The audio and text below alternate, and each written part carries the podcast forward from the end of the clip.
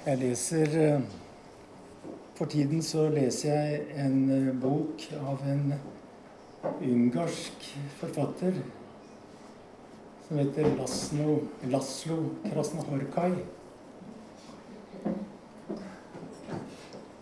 Han er vel kanskje ukjent for de fleste, men faktisk en av Europas eh, ledende forfattere. Og jeg så at Karl Ove Knausgård sier at hvis han skulle ha noen til å skrive sin biografi, så måtte det være Laslo Krasnahorkai.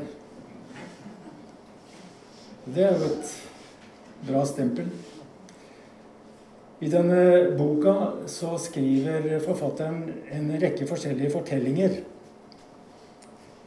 som på en måte henger sammen. Men i en av disse fortellingene så eh, beskriver han eller forteller om en mann som befinner seg på et museum i Venezia. Museet San Rocco i Venezia, som er et kjent museum. Og i et hjørne av det praktfulle renessansepalasset så nærmer denne mannen seg et maleri som står på et stativ i et hjørne. Og det maleriet, eller dette bildet, det forestiller den døde Jesus i grava. Og bildet viser altså den døde Jesus, hans overkropp, hans torso, med eh, hvor hendene er foldet foran. Eh, og hvor det renner blod fra hendene hans. Og denne mannens øyne blir da dratt imot det her bildet. Og han ser at ansiktet til Jesus utstråler en uendelig, en uendelig mild ro. Han beskriver det som en utenomjordisk fred. Så han blir fascinert av det her bildet Han blir sittende og stirre på det. Og Hvis han ser på ansiktet til Jesus, så ser han samtidig at ansiktet er, er preget av en utsigelig, dyp og ubeskrivelig Utsigelig, dypt og ubeskrivelig vemod. Og på maleriet av den døde Jesus så har han selvfølgelig øynene lukket. Og som sagt hendene foran seg. Og det renner blod fra såra i dem. Og mannen blir helt fjetret av denne fremstillingen av Kristus. Så han blir sittende og stirre på denne underlige Kristus. Han klarer ikke å ta øynene fra ham. Han ser på de magre skuldrene. Han ser på hodet som er bøyd litt til siden. Og han stirrer på munnen og det fine skjegget og på de foldede hendene. Da blir han plutselig oppmerksom på Kristi øyelokk. Og det virker som om de rører på seg.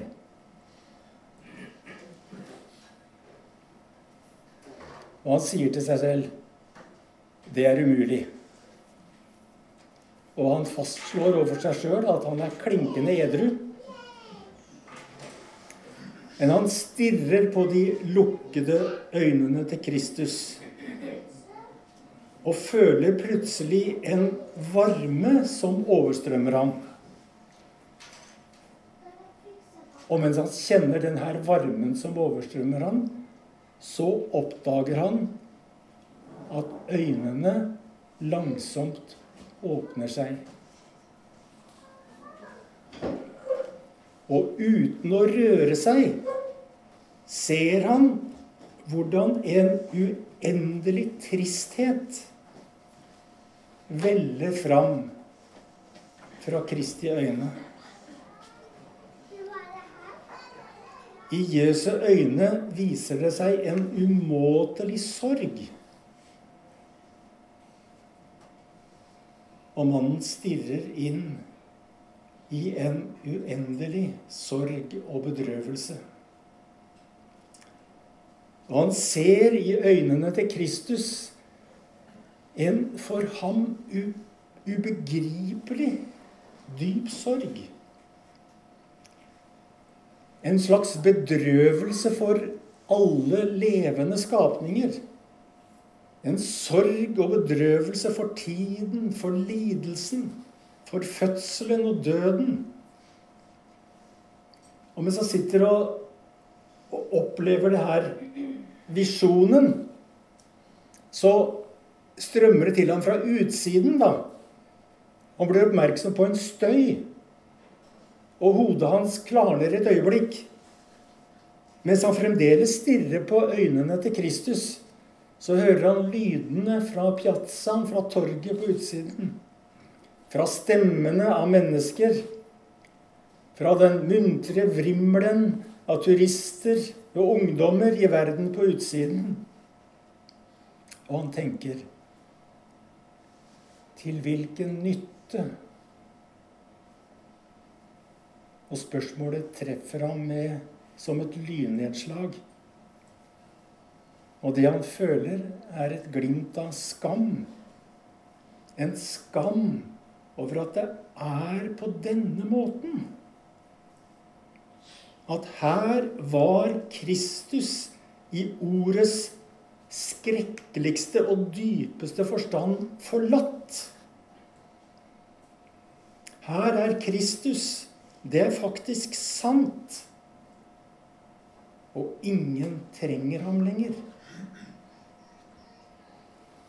Og han grøsser ved denne tanken. Hvilken fryktelig setning, tenker han. Ingen trenger ham lenger. Mannen reiser seg, går ned trappene i museet og forlater bygningen. Han blander, blander, seg med de andre der ute i den muntre vrimmelen av mennesker som farer fram og tilbake på torget der ute. Og så drar han videre til flyplassen for å rømme fra Venezia og komme seg tilbake dit han kom fra. Men så står det Han visste at for ham det ikke, var det ikke lenger noen vei ut av dette rommet. Aldri mer. Og Jeg leser denne fortellingen. og Jeg kjenner at det berører meg. Det berører en sannhet, en virkelighet. Og det går opp for meg at den mest smertefulle kjærligheten det er den kjærligheten som ikke blir besvart. Det er den kjærligheten som er usett, og som er ubrukt. Det er den kjærligheten som ikke blir tatt imot.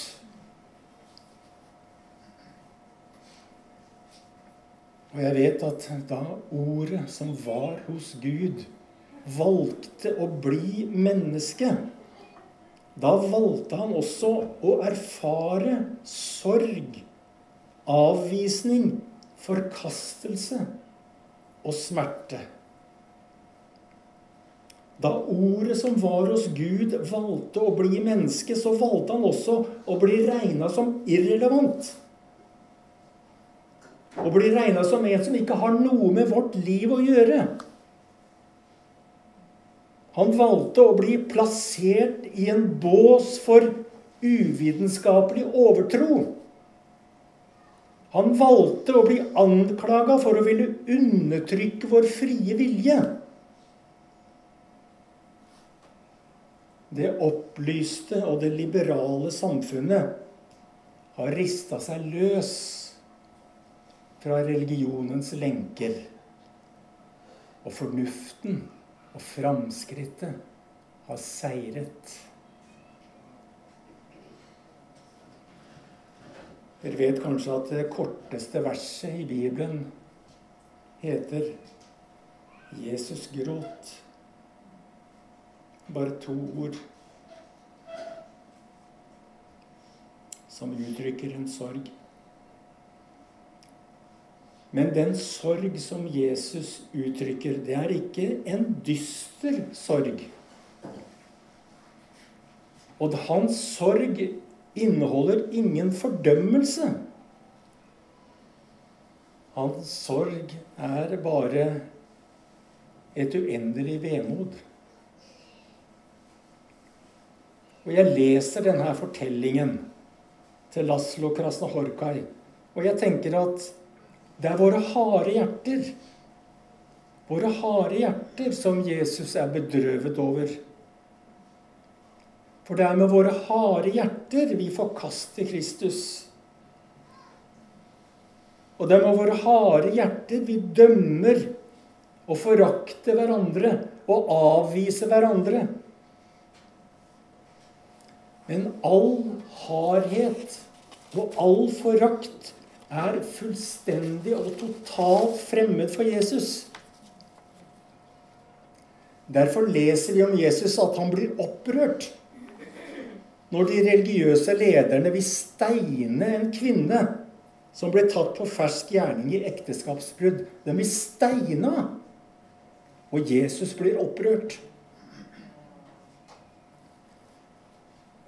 Og derfor forsvarer han hun som ville salve føttene hans, men som fariseerne ville hive ut fordi hun hadde synda. Og derfor rører Jesus ved den spedalske, han som var utstøtt fra samfunnet, og helbreder ham. Og Derfor inkluderer Jesus Matteus blant sine egne disipler. Selv om alle andre i samfunnet regna Matteus som en sviker.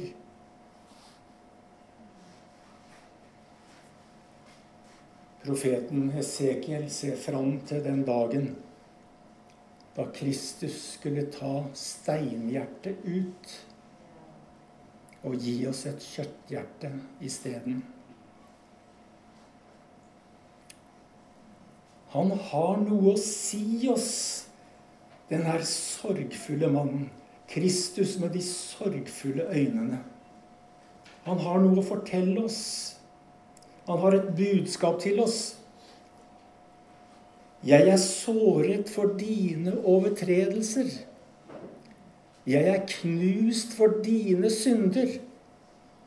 Straffen ble lagt på meg, så du kunne få fred, og ved mine sår blir du lekt.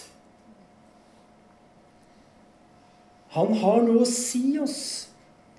Mannen som hang på korset. Mannen som lå i graven, men som lever i dag.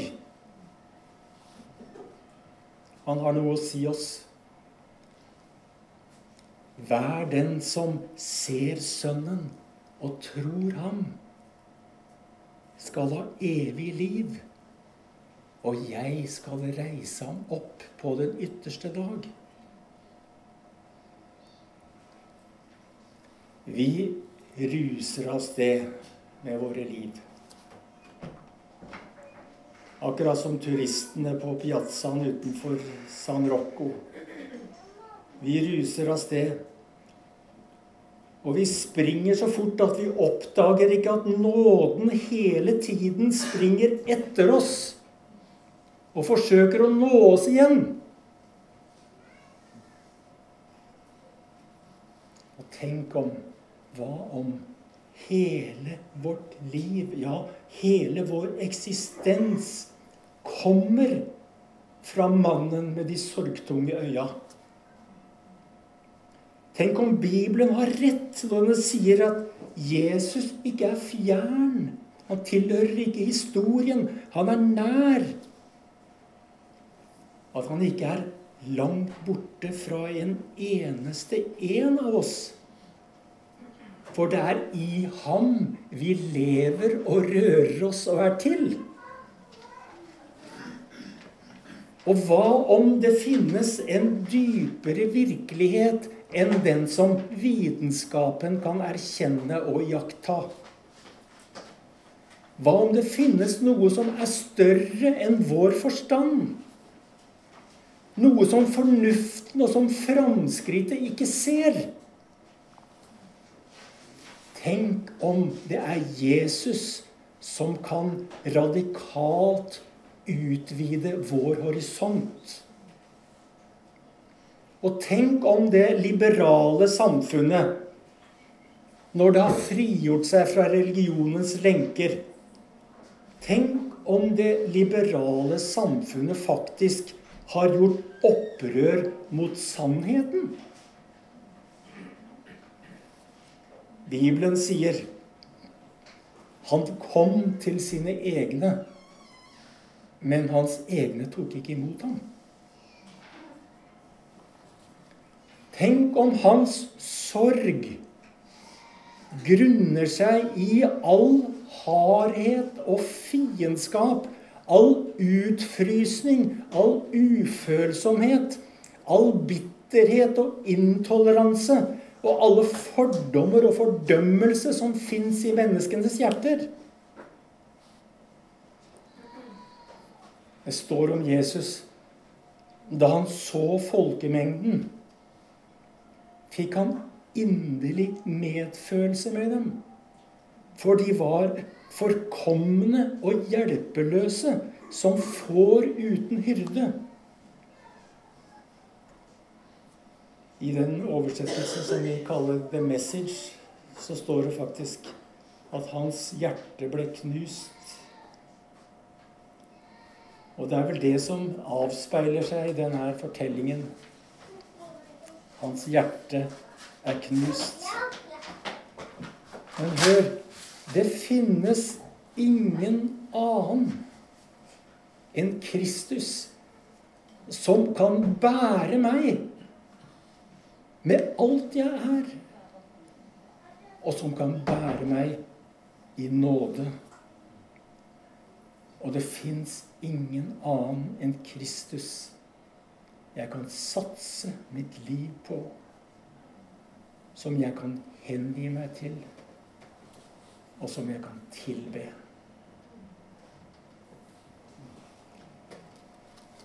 Vil dere også forlate meg, sier Jesus til disiplene. Kanskje er et glimt av sorgen i hans øyne da også. Vil dere også forlate meg? Og da svarer disiplene, til hvem skulle vi gå? Du er den levende Guds ord.